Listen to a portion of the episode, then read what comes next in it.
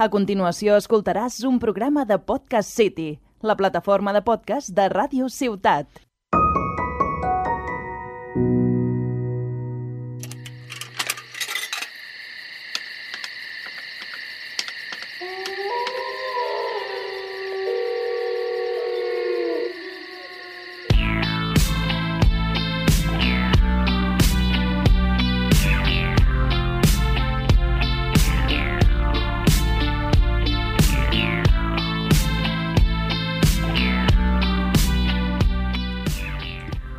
Bon dia, bona tarda, bona nit. Tornem una setmana després. Vaig dir que ho faria cada 15 dies i ara ho faig setmanal. Ja veieu el que val la meva paraula.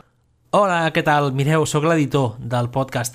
Això que acaba de dir l'Àlvaro de que el programa torna al seu format setmanal i tal, que no és així, vale? que al final no és així, que al final per un tema s'ha allargat una miqueta, però que ja està, ja està, fins aquí, gaudiu del podcast. Però és que um, aquesta setmana han sortit com moltes notícies que m'apeteixia molt comentar i dic, vamos a tirar-nos. I tornem al català, que hem fet els dos darrers podcasts en castellà, perquè així ho exigien els convidats, que no és el cas del gran defensor de la llengua que hem convocat avui, perquè com novament tenia eh, moltes notícies de temàtica friki, de temàtica de videojocs i de música, he convocat el meu amic més friki, el gran mentor del podcast, Arnau Curto. Com estàs? Què tal? Com estàs, Álvaro? Pues aquí, tranquil, a casa meva, envoltat de coses friquis i a punt de parlar de coses molt friquis, o sigui que avanti. Estàs còmode amb, amb això que dic que, que ets un gran defensor de la llengua? Jo crec que ho ets. Sí, però, a veure, sóc defensor de la llengua perquè considero que pues, el català és la meva llengua i l'he de defensar fins a ultrança, més que res perquè en la situació de diglòsia en el que estem, qualsevol concessió que fem a l'idioma de més enllà de la franja, pues, bueno, pues són, són passos que perdem nosaltres. Més enllà d'això, si, si cal sortir a cremar contenidors per la llengua, ja potser em faria una mica més de mantra, però a banda d'això, cap problema. L'idioma més enllà de la franja, l'aragonès, no? M'imagino que estàs parlant. El la pau. La pau. la pau. Llengua, llengua, no sé com, què, què volia dir, eh? que era llengua autòctona o alguna així, de no sé què d'Aragón. Els països bueno, aragoneses, és, segurament. És que és la pau pur i dur, sí, sí, sí. Que hi ha, hi, ha un, hi ha un tiktoker que parla en la pau. O sigui, sí, que, el... no, no sé si és la pau o Jorge, és, és, és com Jorge no sé què, no? És... Sí. No, no, no sé com es diu. Bueno, hi ha un Jorge Puello, crec que es diu, que fa a Twitter molta reivindicació de l'aragonès. Jo a, a favor d'això. I amb aquesta presentació, eh, així llarga i de defensa la llengua quan porto dos podcasts parlant en castellà, eh, anem amb la secció de notícies ja que té aquesta sintonia.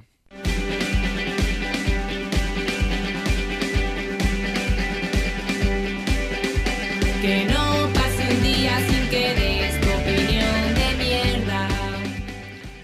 I començo amb una cosa que no és una notícia però que volia comentar perquè en aquest podcast es va parlar de la nova entrega de Scream quan s'anunciava, quan va sortir el tràiler.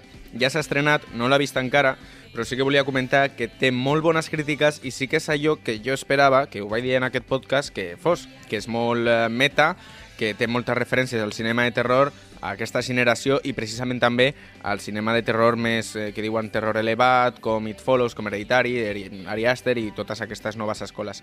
No sé si has vist tu Scream o si coneixes l'original i què n'opines tu, Arnau. Em dir-te que primer que no m'agraden les pel·lícules de terror és una cosa que no he pogut mai, o Ui, sigui... un maig. No? Casualment, un dels meus gèneres preferits és el de, de videojocs, és el de zombies, però bueno. Uh, I de Scream, el màxim que he vist és Scary Movie 1. Bona, bona és, referència. És màxim, màxim Aquesta referència té molta gent. Bueno, només volia Però comentar no això, eh, perquè els sigueu fans del terror i sobretot fans de la saga Scream, que és el meu cas, que sapigueu que la peli diuen que està molt guai.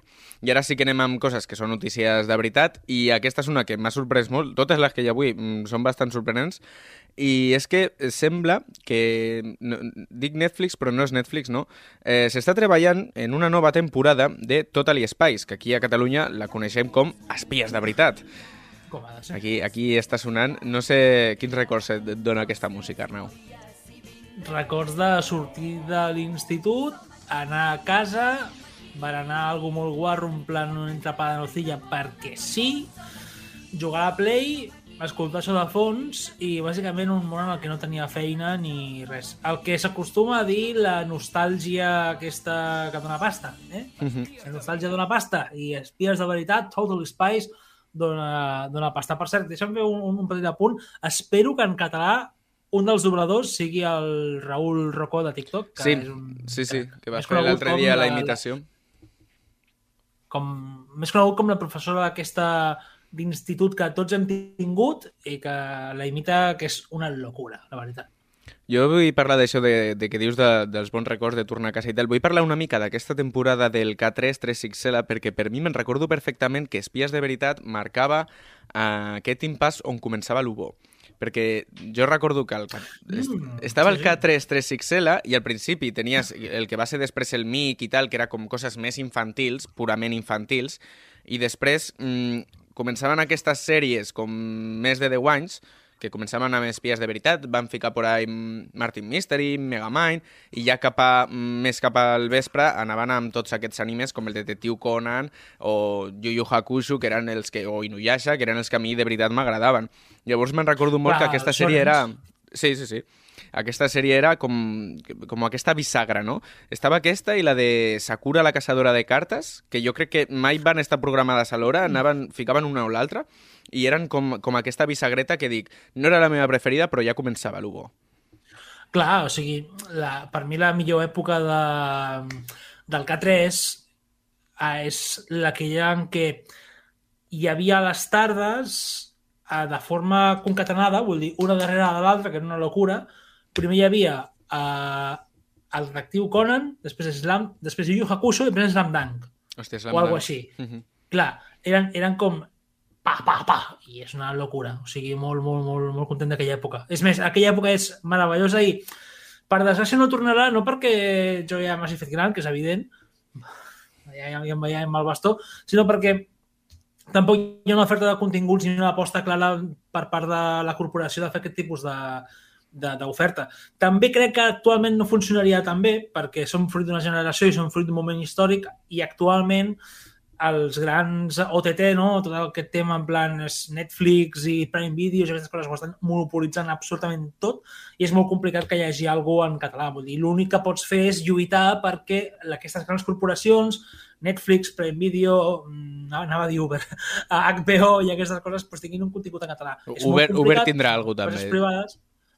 Clar, vull dir, és, és, és complicat. Jo, jo sempre he apostat, hòstia, seria la, la, la absoluta rehòstia, poder alliberar tots aquests continguts d'anime en, en català i crear una, una plataforma intentant pagar els màxims drets possibles que sigui només o sigui, anime en català. I jo crec que seria un contingut que la gent de la nostra generació pagaria. No els joves, no serviria per salvar català, però ahí estaria. Mhm. Eh, Arnau, eh, a Twitch eh, aquest estiu hi havia un canal que era 24 hores eh, al K3. No sé si ho sabies. Ho recordo, ho recordo. Sí, sí, sí. Sí, de, de fet, Jo crec veia, que... eh? De fet, crec que sí que la, la corporació va intentar fer alguna quan es va dissoldre el 3XL, bueno, en els últims anys, com de fer una plataforma online i tal. No, no estaven els models com, com els coneixem ara i és veritat que ara sí que tindrien altra experiència i segurament gent... Eh, bueno, és que aquí, eh, jo crec que a Catalunya tenim un bon exemple que és Filmin, podria col·laborar perfectament per la Corpo, que de fet Filmin porta bastant anime, eh, per portar tot aquest contingut en català. No cal que sigui directament de la Corpo, però que la Corpo fiqui pasta si de veritat volen aquest contingut i, i una empresa com Filmin li aniria bé perquè jo sé que tenen un públic, l'anime té un públic, jo és que ho deia. Ara com està la gent mirant cada diumenge de forma rigorosa eh, Shingeki no Kyojin, Attack on Titans, si estigués sortint en català en algun lloc, moltíssima penya ho miraria en català. Bueno, és que ho miren en japonès però- perquè no està en castellà. Clar, llavors, jo crec que és més un tema eh, sociopolític que no pas un tema de voluntat, no? O sigui, sense voler entrar en grans coses, si la gent no li importés que el català estigués a les plataformes, pues, estaria perfectament. I tant de bo estigués també en gallec, en euskera, en bable i en milers i milers i milers d'idiomes regionals arreu d'Europa. Però no és així. I un hom no pot evitar pensar que és més per una senzilla raó de que es que estos catalanes, si les damos un poquito más de tregua, pues a lo mejor nos invaden Polonia, ¿no? Sí. Jo crec que és algo, és algo així i es nota, de fet es nota. Ja veurem, jo crec que serà impossible. És, no, no és que sigui impossible, però és virtualment impossible amb la mentalitat derrotista que tenim els catalans també, com acabo de demostrar, no? Però és bastant complicat que això sigui un, una realitat. Tant de bo torni, eh? Tant hi, ha, hi, ha, un- hi ha un tema, mm, ja per anar tancant aquest tema de l'anime en català, que, que dona per moltíssim, hi ha un tema sociopolític, hi ha un tema econòmic també, no? que en un moment donat, a principi dels 90, i a, o sigui, sí, durant els 90 i a principi dels 2000, Japó vol fer aquesta hegemonia cultural i comença a exportar el seu producte molt barat i per això la Corpo compra tant anime i moltes altres cadenes regionals i per això coneixem tant l'anime, ara ja ha aconseguit aquesta mm, mitjanament hegemonia cultural i l'anime té un altre preu que no, no es podria aconseguir eh, tot el que es comprava al Japó en aquell moment. L'anime ha deixat de ser una cultura de masses a passar a ser una cultura de nicho. És a dir, ara mateix els animes que surten nous jo no els conec perquè no els consumeixo. No sóc consumidor d'anime. Conec Attack on Titan perquè és com la casa de paper en anime. Sí. Estem parlant d'un producte pepiníssim amb un munt de pasta pel mig i que està fent coses guapes. Però si em dius mm, què és Boku no Hakuno no Shiro no Yugi Hakungure, doncs no ho sabré, perquè és que no m'hi poso. Ja. És, és, és trist, però... però Sí, sí, a mi em passa igual. Eh? I Jo, m'agrada- I m'agrada vist... l'animació, eh? m'agrada Sí, molt sí. l'animació i l'anime crec que és una obra... Sempre ha sigut una obra d'art per mi l'anime i, joder, que m'agradaria molt consumir-ne. No tinc les facilitats que tenia abans. No sé si m'explico. Sí, de ficar-te en, sí, i ficar-te en pàgines web rares i tal, pues a mi a la segur que Exactament. tampoc m'apeteix perquè també sóc més còmode a l'hora de consumir. O sigui, a mi no sóc lo que me tire Netflix lo primero, però una mica de... Bueno, si m'he de mirar algo, tampoc m'ho buscaré una Clar. pàgina raríssima. No, no estic per eso. S'ha perdut el, el, el fotos allí al sofà i fer clic, clic, clic, clic, Sí, clic sí, amb sí, el sí. mando. Fer, fer la, la mítica del zapping. I anem amb un canvi de tema, anem a parlar ara de, de música, que ja ho dèiem al principi, i és que Netflix està preparant l'estrena de, és xungo de dir, Jin Jusa a Koenig Trilogy. No, no, Jin Jus a Koenig Trilogy. És un documental, pel que entenc, eh, serà una mena de minissèrie que surt el 16 de febrer a Netflix de mm, Kanye West. Eh, surten moltes imatges de- d'estudi, així que sembla bueno, com han fet eh, mm, diversos documentals així musicals de, de com es graven, com produeix i tal, i aquest, en concret, eh, diu que porta 21 anys eh, filmant-se, o sigui, des dels inicis de, de la carrera de, de Kenny. Eh, no sé si a tu t'agrada la música de Kenny West o què n'opines d'aquest personatge Mm, que és no. controvertit un rato. A mi no, a mi no m'agrada Kanye West, però, perquè tampoc consumeixo molt la seva música, però el rotllo aquest no, mai m'ha acabat de, de convèncer. També t'he de dir, vaya santo ego de tenir aquest paio com perquè porti 21 anys filmant-se un documental seu. Sí. Sí, sí, ja sabem 21 que anava a Imagina't viure així. A mi és un tio que Bueno. M'interessa com a personatge més que, que la seva música. Sí que és veritat que la seva música m'agrada. O sigui, no sóc un superfan, que hi ha molta gent que, ja és, que, que és superfan de Kenny, però sí que és un molt bon productor, crec. Mm, No sé si tan bo com, com rapero, però com a productor m'agrada molt. I m'interessa aquest documental per això, perquè una imatge tan endiosada com és la de Kenny West, que tothom coneixem i tal, a veure mm, què diu en un documental i, i com es, mm, no sé, com es dibuixa a si mateix i, i què té a explicar-nos. No sé, m'interessa una miqueta. Serà, serà un documental de culte a la persona i això vol dir que hi haurà moments en què dirà buah, tio, demano perdó per les coses que he fet, perquè segurament he molestat algú, però, tio, tot això era, era per, per tirar endavant en la carrera, no? sí. Per ser algú. I, i, i hi ha una frase que es repetirà segur, ja t'ho dic ara, que és, és el plan de Dios, alguna cosa Sí, així. sí, sí. No. Perquè casualment, casualment tot aquesta, aquest mundillo rapero nord-americà i tal, quan es torna famós, té com una mena d'aderi amb, De- amb Jesucrist i amb Déu. I Bueno. això ho hem vist també en, en l'última cançó de Rosalia. Sí, sí, no, però és que Kenny especialment, eh? Kenny, o sigui, l'últim àlbum que ha tret, d'Onda, és l'Evangelio.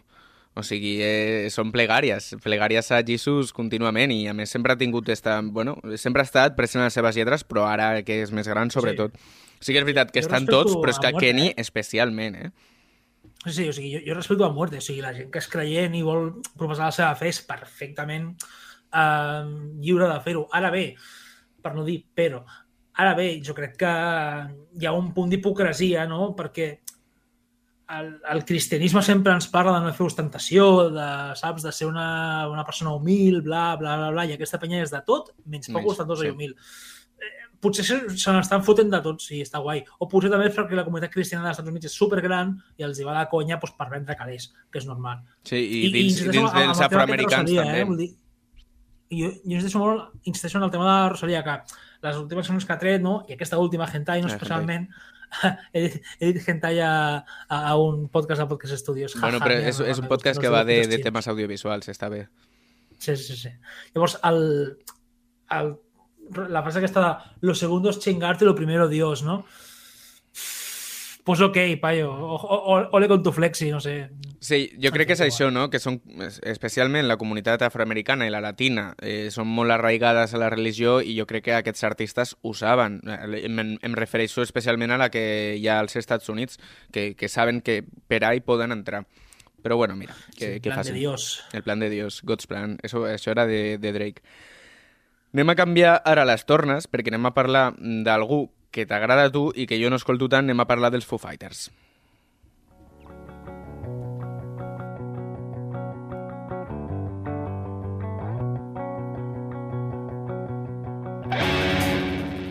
Fica't una mica de música de fondo, que, que estem parlant tot el rato. Everlong, què és Everlong?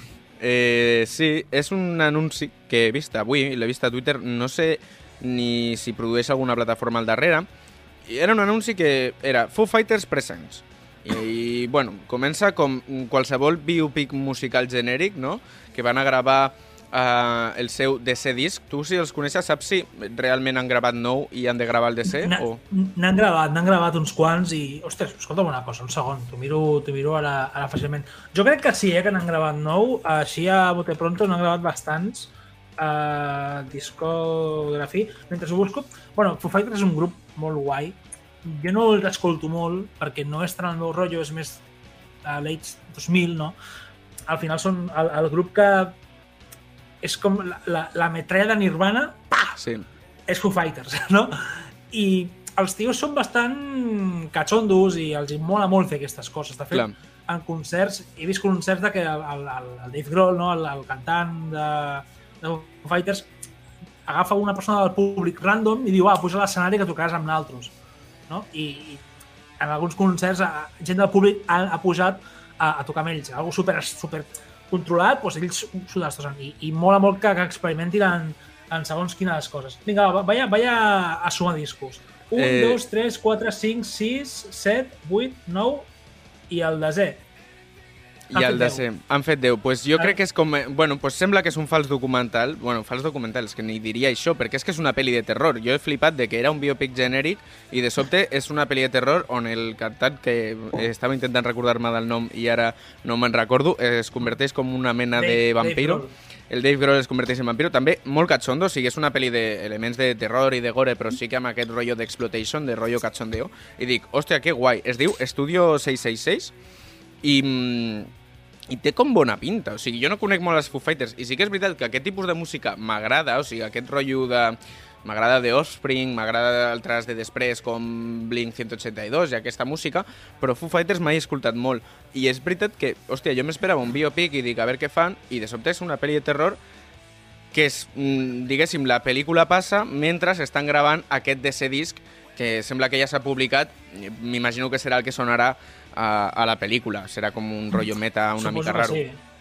Bueno, és, potser és una nova forma de...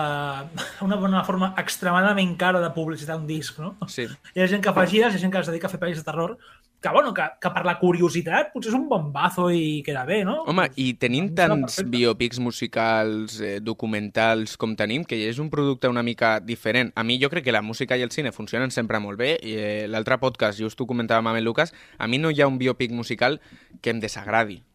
Vull dir, eh, sempre tu passes bé, si és d'un grup que estigui guai, quin, quin vas a dir? A veure, és que jo sóc, no sé si ho sabeu, sóc molt fan de Jimi Hendrix, vale? Vale. Soc super fan de Jimi Hendrix. I el biopic que van fer de Jimi Hendrix, tot i que la història estava molt bé, el que acostumen a fer molts directors és agafar actors que saben tocar la guitarra o saben tocar algun instrument o l'instrument del paio que van a, in- a interpretar o com a mínim es preparen, no? A Whiplash, la pel·lícula Whiplash és un biopic, no? Però vull dir... El, Sí, però és una pel·li musical. Whiplash, l'Andrew Newman, crec que es diu, el, el tio va aprendre a tocar la bateria per fer-ho veure, però ho va fer. el tio que fa de Jimi Hendrix, el biopic de Jimi Hendrix, no recordo com es diu, el pobre és un horror. Perquè yeah. veus que toca la guitarra i les cançons que toca aquest paio pues, estan com descoordinades amb la... Si saps tocar la guitarra ho veuràs, però inclús si no saps tocar la guitarra, saps que una nota no pot anar allí. És, és molt raro, s'ha no, de veure no per és, poder-ho I no és entendre. qualsevol biopic, és un biopic de Jimi Hendrix, no? que és que la guitarra és essencial. Bàsicament, no? I, hòstia, per exemple, un biopic molt xulo, molt xulo, que em va agradar molt, que crec que és el millor que he vist, és Rocketman. Rocketman, no l'he vist és Rocketman, una però tothom parla molt bé. meravella... Uah, pues, pues aquesta nit fica-te-la. Perquè és una meravella de pel·lícula, és molt emocionant. Jo no acostumo a plorar pel·lícules perquè no em surt, però, hòstia, toca la fibra, eh? Perquè la vida de- d'Elton John és... Uf, Sí. és interessant. Sí, sí, jo, bueno, aquest és un dels que vull veure i és això que dic, però després eh, vaig veure anunciat, ara que penso en biopics, que no tal, hi ha un que no he vist però és que no vull veure, i és el de David Bowie, que va sortir anunciat. Sí, L'actor vist. era un tio que coneixien a casa seva quan anava a sopar i la pel·li tenia una pinta horrible, però horrible. I jo, David Bowie, em sembla... O sigui, a mi és un tio que m'agrada molt i és que com a persona em sembla fins i tot més interessant que com a artista, que és un artistazo, i, i la pel·li tenia una pinta horrible i dic, aquesta no la veuré per continuar en la meva línia de que no hi ha biopic musical que em desagradi. Bueno, pues, pues és això. Jo, jo, jo recomano molt veure biopics, però si no us agraden els traieu i ja està, i no, no, no apareció, i nunca más se supo, ja està, me faltaria més. Passem ara a un altre tema, perquè hi ha una mena de conveni amb aquest podcast que Disney produeix tant que sempre he d'esmentar algo de lo que produeix Disney perquè no hi ha setmana que no anunciïn algo. I aquesta setmana han anunciat, bueno, ha sortit el tràiler i la data d'estrena de Caballero Luna, que és la seva nova sèrie, que surt aquest 30 de març, protagonitzada per Oscar Isaac, conegut per ser el piloto de les noves de Star Wars, principalment, i mm, hi va haver un tuit que definia a, el que era aquesta sèrie, que em va fer molta gràcia, i l'he aquí, que és el Black Panther de la gente con trastornos mentales. Perquè la història és una mica... Bueno, com que ell té insomni i aquest insomni no pot eh, distingir la vigília de la realitat i en base a això es fa una mena de mm, White Batman, perquè el que és el traje és eh, White Batman, no sé si té superpoders pel que sembla, no? No sé si tu coneixes el personatge de, de, de Caballero Luna. No, no et mentiré. no el conec. Conec a l'actor, l'Òscar Isaac, que em sembla bastant interessant, Sí, és guai. Però no conec res del Caballero Luna. O sigui, conec el Caballero Oscuro, evidentment. Ja. M'encanta. Jo pel que veig, però o sigui, no. O sigui, sense, i parlo des de la ignorància, eh? pel que sembla el disseny del personatge de còmic i tal, em sembla com que és una d'aquestes... Eh, aquests rols que es copiaven sempre entre DC i Marvel, que quan un tenia èxit intentaven fer una rèplica, eh, ara no em surten exemples, però tu que saps, està Thanos en DC, és aquest... Daredevil, Daredevil um, em sona que era Daredevil, que és de, és de Marvel o és de DC Daredevil? Perquè crec que Daredevil... Daredevil és de Marvel. Llavors no. No, jo Llavors dic, no. per exemple, Thanos Sí, i... sé, sé què vols dir, eh? Sé Sí, què vols dir. està Thanos, no?, que és de Marvel, i hi ha un que, que ja que és el que surt a la Liga de la Justícia, que era una mica com aquesta còpia de Thanos, perquè volien fer un... un bueno, eso. Vale, lin- linterna verde, sí, vale, linterna verde amb, el- amb el Duende Verde, que era o algo així. Sí, Sí, sí, sí, sí. sí. ja com de... I jo crec que això del Caballero Luna, que em sembla com que és un intent que van fer de fer-ho amb, amb Batman, però en comptes de fer-ho tan fosc i tal, pues, Caballero Luna i ho van fer blanc, però jo crec que és el mateix concepte una Mhm. mica. El que passa que aquí pues, l'han ficat el rotllo aquest dels trastorns mentals, que no sé fins a quin punt és canon. Sembla una mica interessant, perquè... Bueno, canon o no, al final és lo, per desgràcia i per sort, la, és, és, és aquesta dicotomia de sort i desgràcia, no?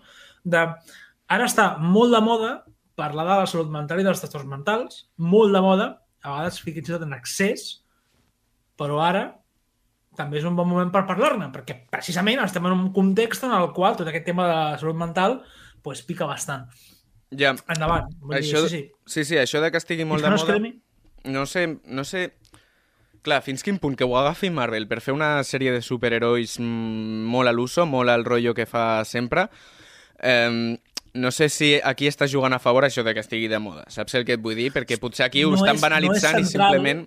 no, no és un tema central segurament o sigui, no és que l'acció passi al voltant de que o sigui, l'acció, el desenvolupament passi al voltant d'això, no? És com quan fots minories per posar. Les has posat, sí, em sembla perfecte. Els has ficat un, un rol que està bé, perfecte.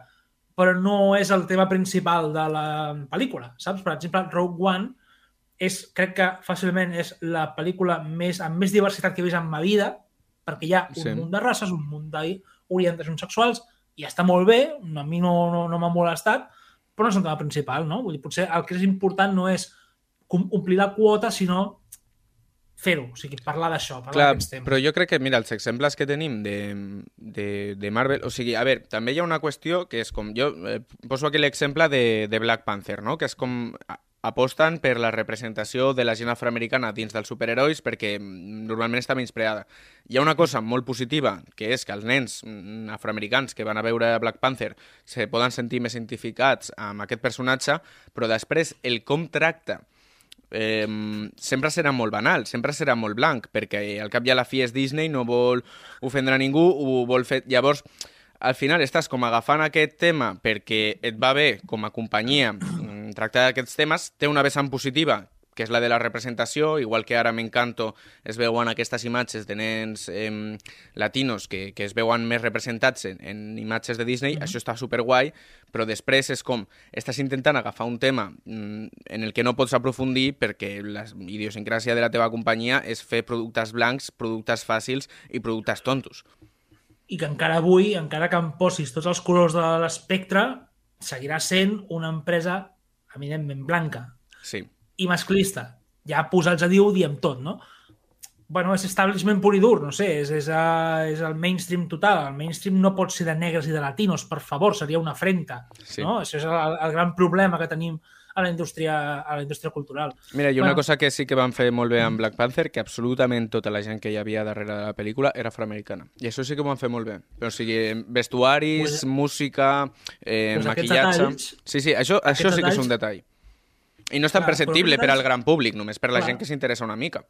Bueno, però igualment aquests detalls marquen la diferència, perquè ja estàs dient, ja estàs enviant un missatge. És a dir, tu fas la pel·lícula, la pel·lícula és molt bona, però a més a més envies un missatge, no?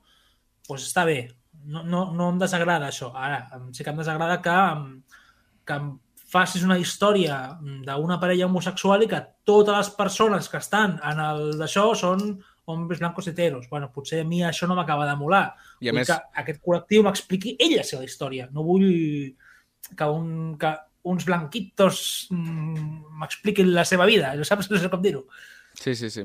I a més aquestes històries homosexuals, no sé si és el cas de, de Rogue One, que a vegades mm, la mostra d'afecte homosexual és ínfima perquè després la poden estrenar a Xina eh, tallant mm, uns minuts i Clar. ahir no tindran problemes amb la censura. I, i, i també tenen molta sort de que el, el, tot el tema de les fandoms i d'aquestes coses es dediquen a com posar la sexualitat de cada persona per internet i d'aquesta forma els guionistes pues, Sí, sí, sí, sí.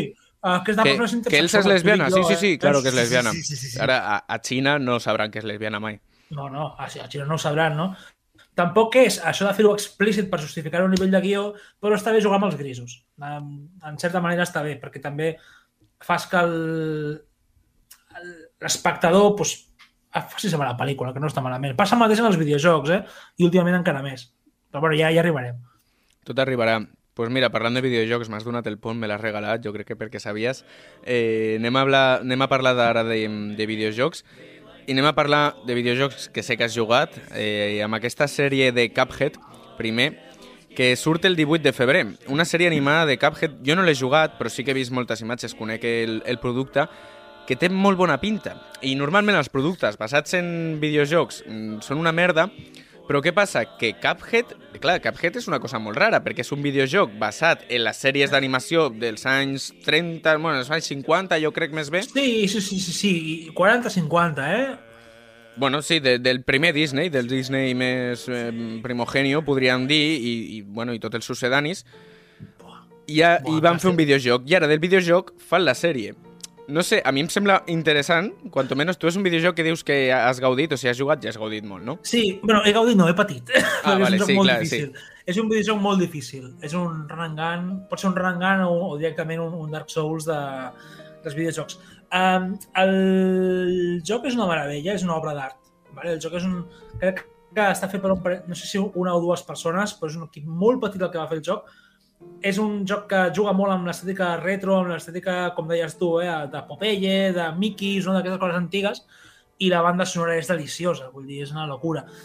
el gameplay és molt, és molt simple però molt complicat, és com una mica Dark Souls, de, de que te la fots, te la fots, te la fots, te la fots, te la fots, superes, te la fots, te la fots, arribes allí, te la tornes a fotre, i, ostres, ara acabo de veure de, de reull un tràiler i estic veient que és la mateixa estètica. No Clar. han humanitzat res, no han fet una cosa rara, no han fet animació 3D, és simplement Cuphead portat a una sèrie.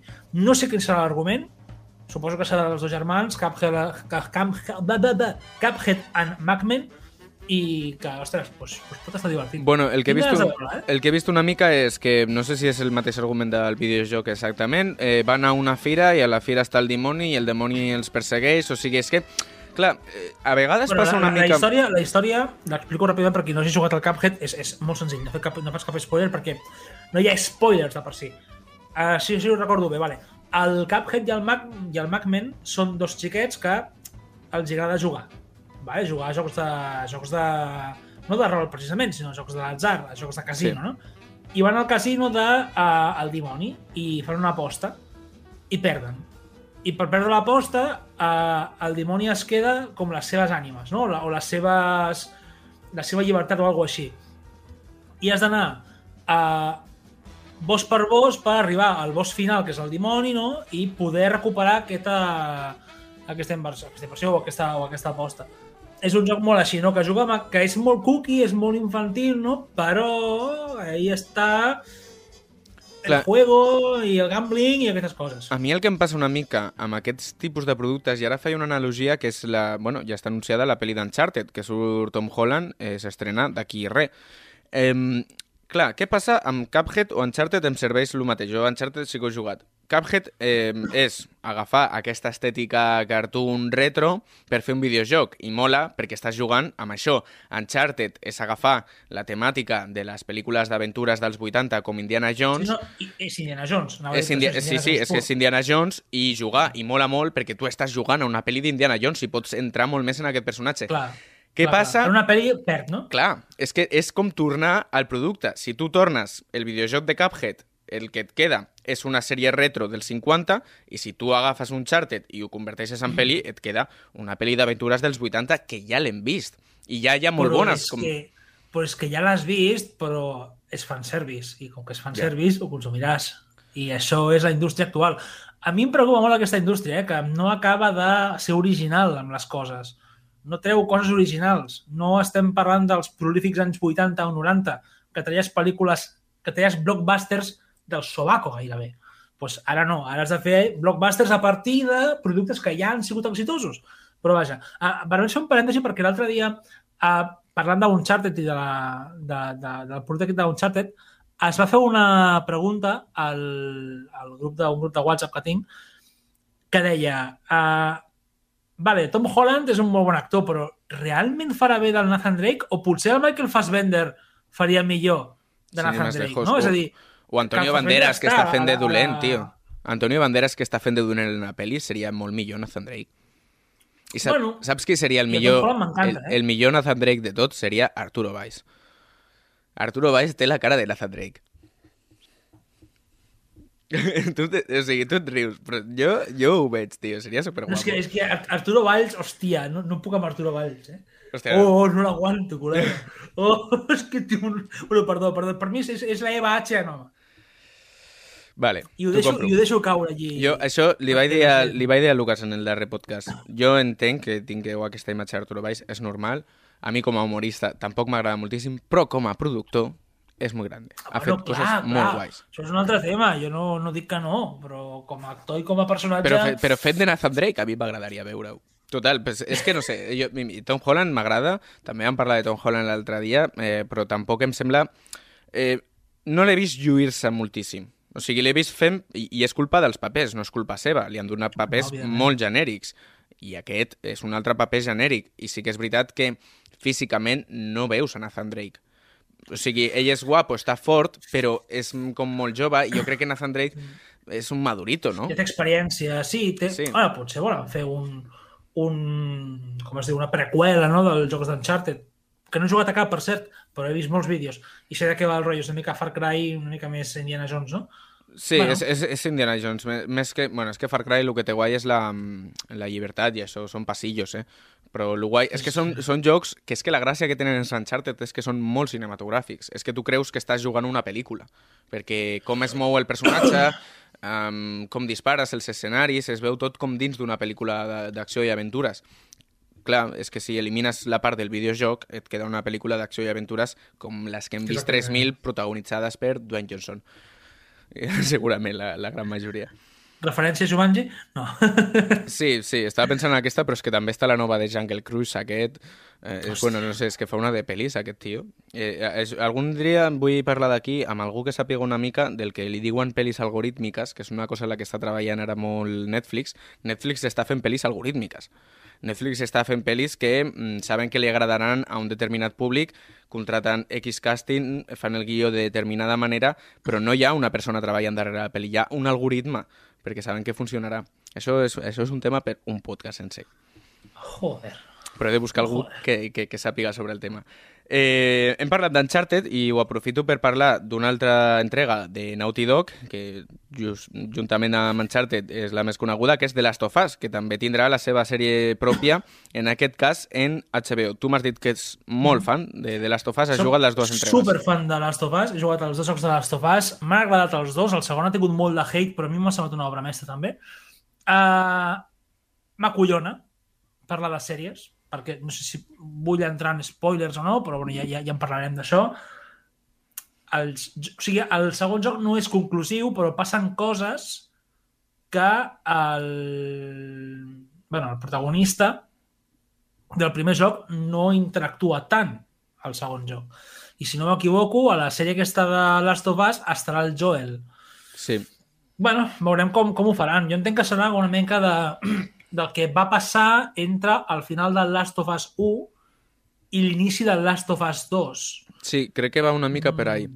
Jo I el només... Last of Us 2, sí. el, que, el, el que té molt, el Last of Us en general, tota la saga, és que és molt real i no té por a tractar temes com la sexualitat o com especialment el lesbianisme, no? que, que és un dels grans tabús dels videojocs, per cert, um, i no té por a tractar la mort no? i, i, i, i les, les desgràcies i, i els mons distòpics, que és, és una meravella. No? Crec que Last of Us és una de les representacions més fidedignes, entre unes cometes molt grans, no? però bueno, més fidedignes, de com seria un món postapocalíptic, perquè les persones seguiríem sent persones. No? A vegades sembla que um, el món se'n vagi a la merda i desapareixin les persones negres Sí. i desapareixin pues, tot el que no sigui lo, lo, lo, establert, lo establert, no? El Last of Us 2 el guai que té és que també introdueix personatges que no són tan habituals. No? Que estan més enllà del, parlant- del fet postapocalíptic, no? Que, que... Sí, exactament, exactament. I, i- com es reorganitza la societat en, Mhm. en un món així. Clar, tu què faries? Aniries per lliure o intentaries crear una colònia amb gent... Et pots avenir més o menys, però que tinguin tots una, uns rols establerts i que sàpiguen com fer les coses perquè allò sigui sostenible, no? Què faries exactament? Llavors, ells parlen molt d'això i, i per altra banda, faries una societat on viure o faries un, una banda de saqueadores Sí. i aniries a, a raidejar tot Déu per aconseguir els recursos, que això pot passar perfectament, i és una opció plausible, és una opció que et pot servir, no? Es crearien nous cultes, noves sectes, eh, el cristianisme deixaria de creure en Déu, s'ascindiria i una part diria que hi ha un, un ens per sobre de Déu, no? Que, bueno, és una locura, és una nada d'olla, i, i això de a Last of Us 2 surt i és increïble. Parles de diversitat i de lesbianisme i és una de les coses que volia tractar amb aquesta sèrie perquè jo eh, bueno, eh, volia parlar a, a través d'un titular que he vist que no sé si ha sigut cosa dels redactors o realment és cosa dels productors perquè han presentat, han anunciat que la, el personatge es diu, no el conec perquè és de la segona entrega, és Riley, ho farà una Storm no sé què, que és la que fa de la germana de Zendaya a Euphoria, eh, i l'han presentat com la mejor amiga de Ellie quan precisament és la seva parella. Vale. Llavors, no sé- A veure, No sé si és cosa dels redactors que A han ficat la pata o és que realment la productora es borrarà tota aquesta història de lesbianisme que ja hi ha o què passarà. hem de veure... Uh, no entraré... Entro en spoilers, ho sento molt. El Last of Us és un joc del 2013, vale? o abans i tot, A jugar-lo. molt abans i tot. Ho sento molt.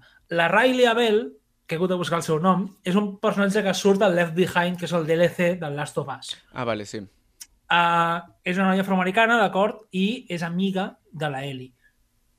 És que és amiga de la Ellie, però el, el momento lesbo vale, arriba com al final o al mig del DLC, però no és extremada... És, és algo que et diu que, mira, la Ellie és, serà, serà això. Vale? No, no ho desenvolupa gaire més.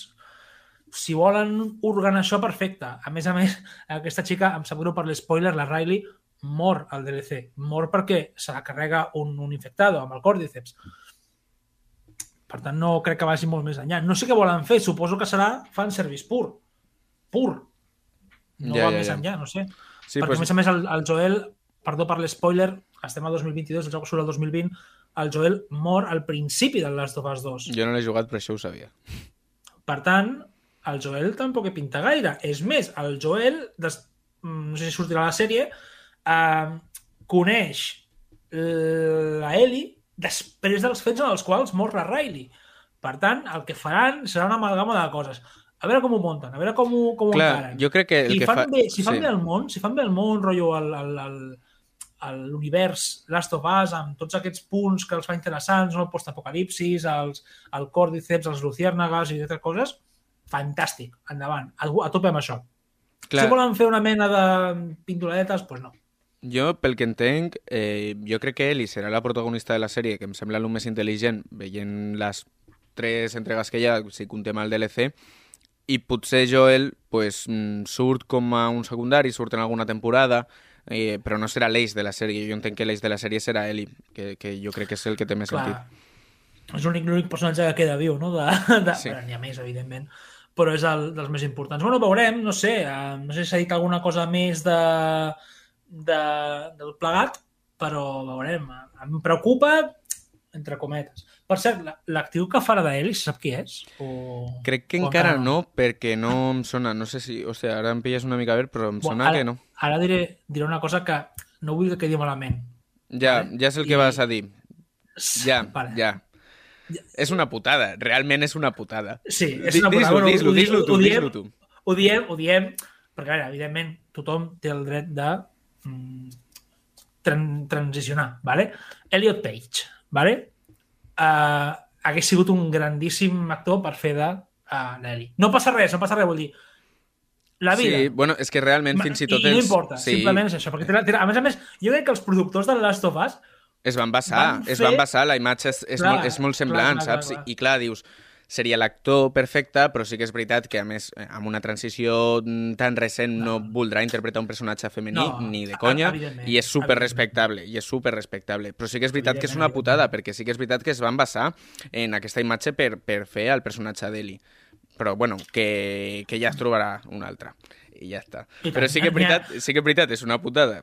és que, és que s'ha de dir. No, coi, és que a vegades s'ha de dir, tio, és una llàstima, no? Però, mira, escolta, eh, ja està. Que queda una mica transfobo i no hauria de ser així. No, no.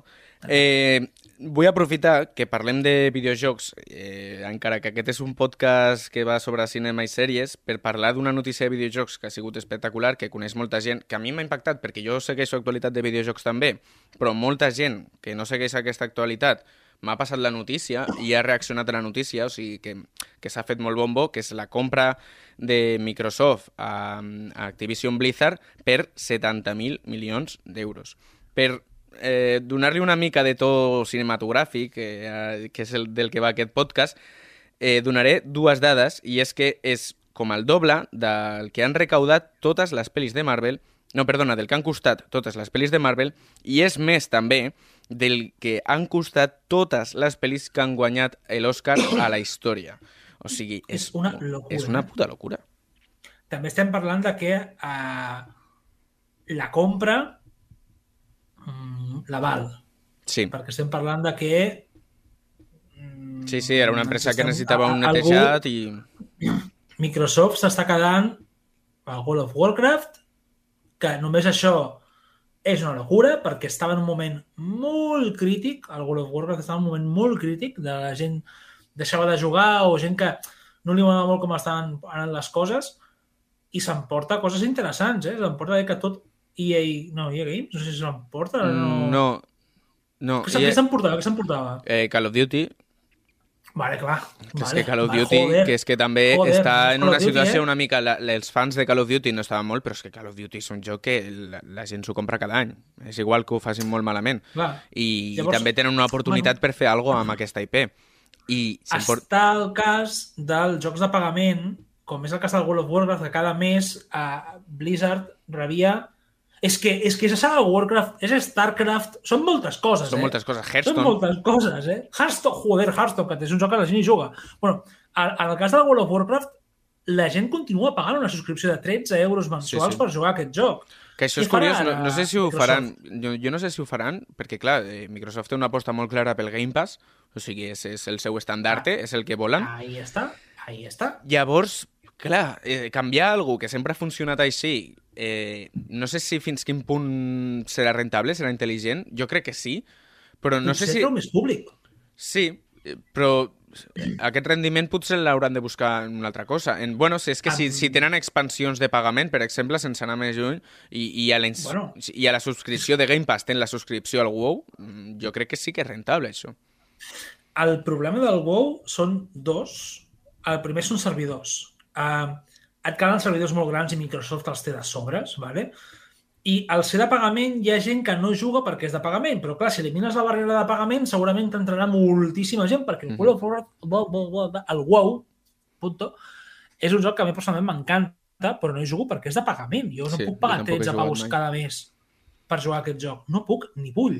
Jugo a servers pirates quan jugo i quan, quan em dóna la dèria de jugar. Pues serà divertit veure què, què passarà. I un Estava altre- parlant molt del Game Pass, eh? De Sí, sí, sí. Fer una mena de subscripció de Game Pass que tens el WoW, tens un munt de coses de gratis i alegria, però aquests jugadors que han estat jugant tota la seva vida pagant 13 paus que en un any 13 paus és pastufla i en 15 anys que deu tenir el WoW per ahí va també, o més, crec que va pels 17 anys ja, què passarà aquí? Bueno, eh, a veure, eh, pagaran un euro més, perquè crec que ara el Game Pass està a 14 pavos, crec. o sigui que pagaran un euro més i tindran un munt més de videojocs, si funciona així. I una altra cosa que s'emporta amb aquesta compra Microsoft, que, que es passa molt per alt, és Candy Crush. Perquè Candy Crush és de King. I, sí, sí, i King pertany a Activision Blizzard. I clar, estem parlant aquí de videojocs Facebook! super... No, no, i estem parlant aquí de videojocs superconeguts, però aquí la màquina de fer billetes és Candy Crush. O sigui, la pasta que genera Candy Crush és una barbaritat.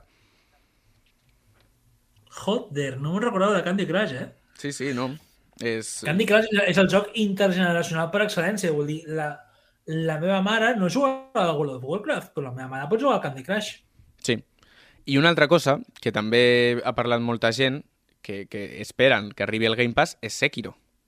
Perquè Activision van ser partners de Sekiro. Hola, això no ho sabia, tio. Clar, i els drets, la IP, la IP del Sekiro pertany a Activision. Tu Llavors, has jugat al Sekiro? no he jugat al Sekiro. Pues jugaràs al Sekiro. Ja, ja, quan entri al Game Pass, quan, quan entri al Game Pass, és que només vull això. Eh, anem ja acabant, no sé ni quant temps portem, una borrada, com sempre. Espectacular.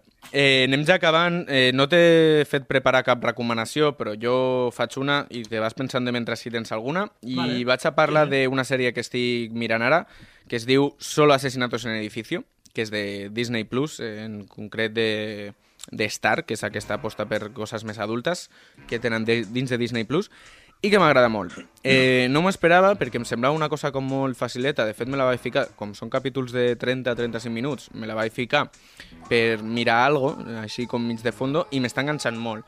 És una sèrie sobre tres personatges, que són Steve Martin, altre que no me'n recordo del nom, i Selena Gómez, que viuen en un edifici on hi ha un assassinat i tots tres estan viciats a un podcast de true crime, d'assassinats, i decideixen com posar-se a investigar pel seu compte. I jo crec que és molt guai perquè és una sèrie aquesta que és divertida, és entretinguda, està molt bé dirigida, i després tots els seus personatges tenen com els seus secrets, que mentre se's va descobrint aquest assassinat també vas descobrint secrets dels personatges i és com un cluedo eh, moderno, no? I a més amb aquest rotllo que tenim ara de, de, del vicio a- al true crime, al morbo, a, a això més de sang i fetge, i, i està molt divertida i la recomano. De fet, s'han portat molts premis i està molt reconeguda, que tothom l'haurà vist, però jo la recomano també.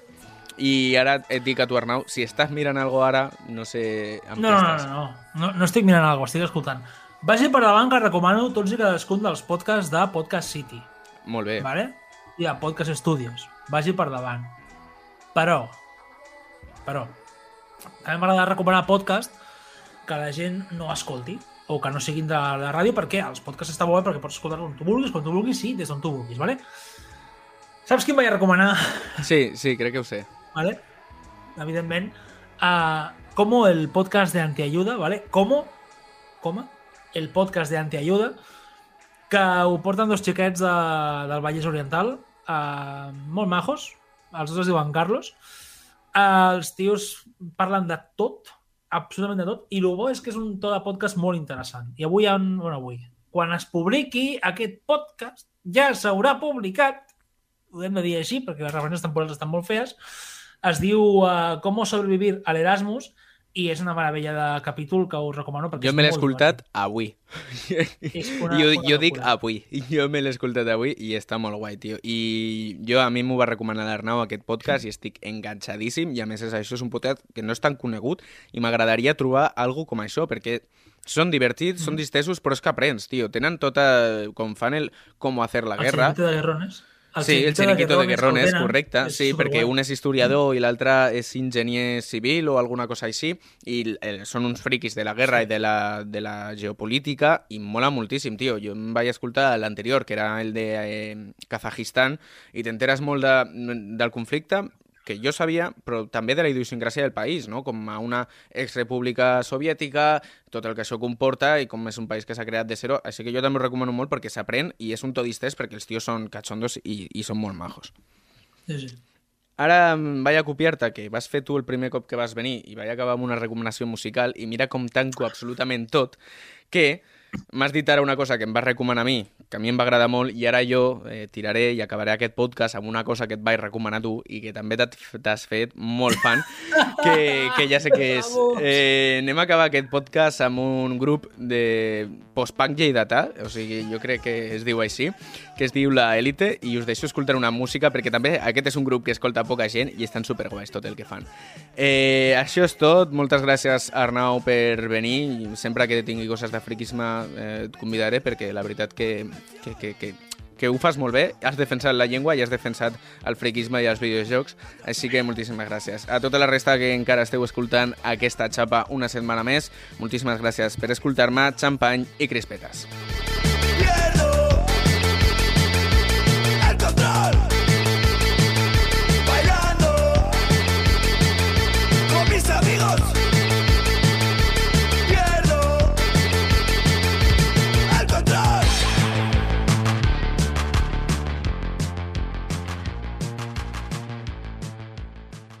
Has escoltat un programa de Podcast City, la plataforma de podcast de Ràdio Ciutat.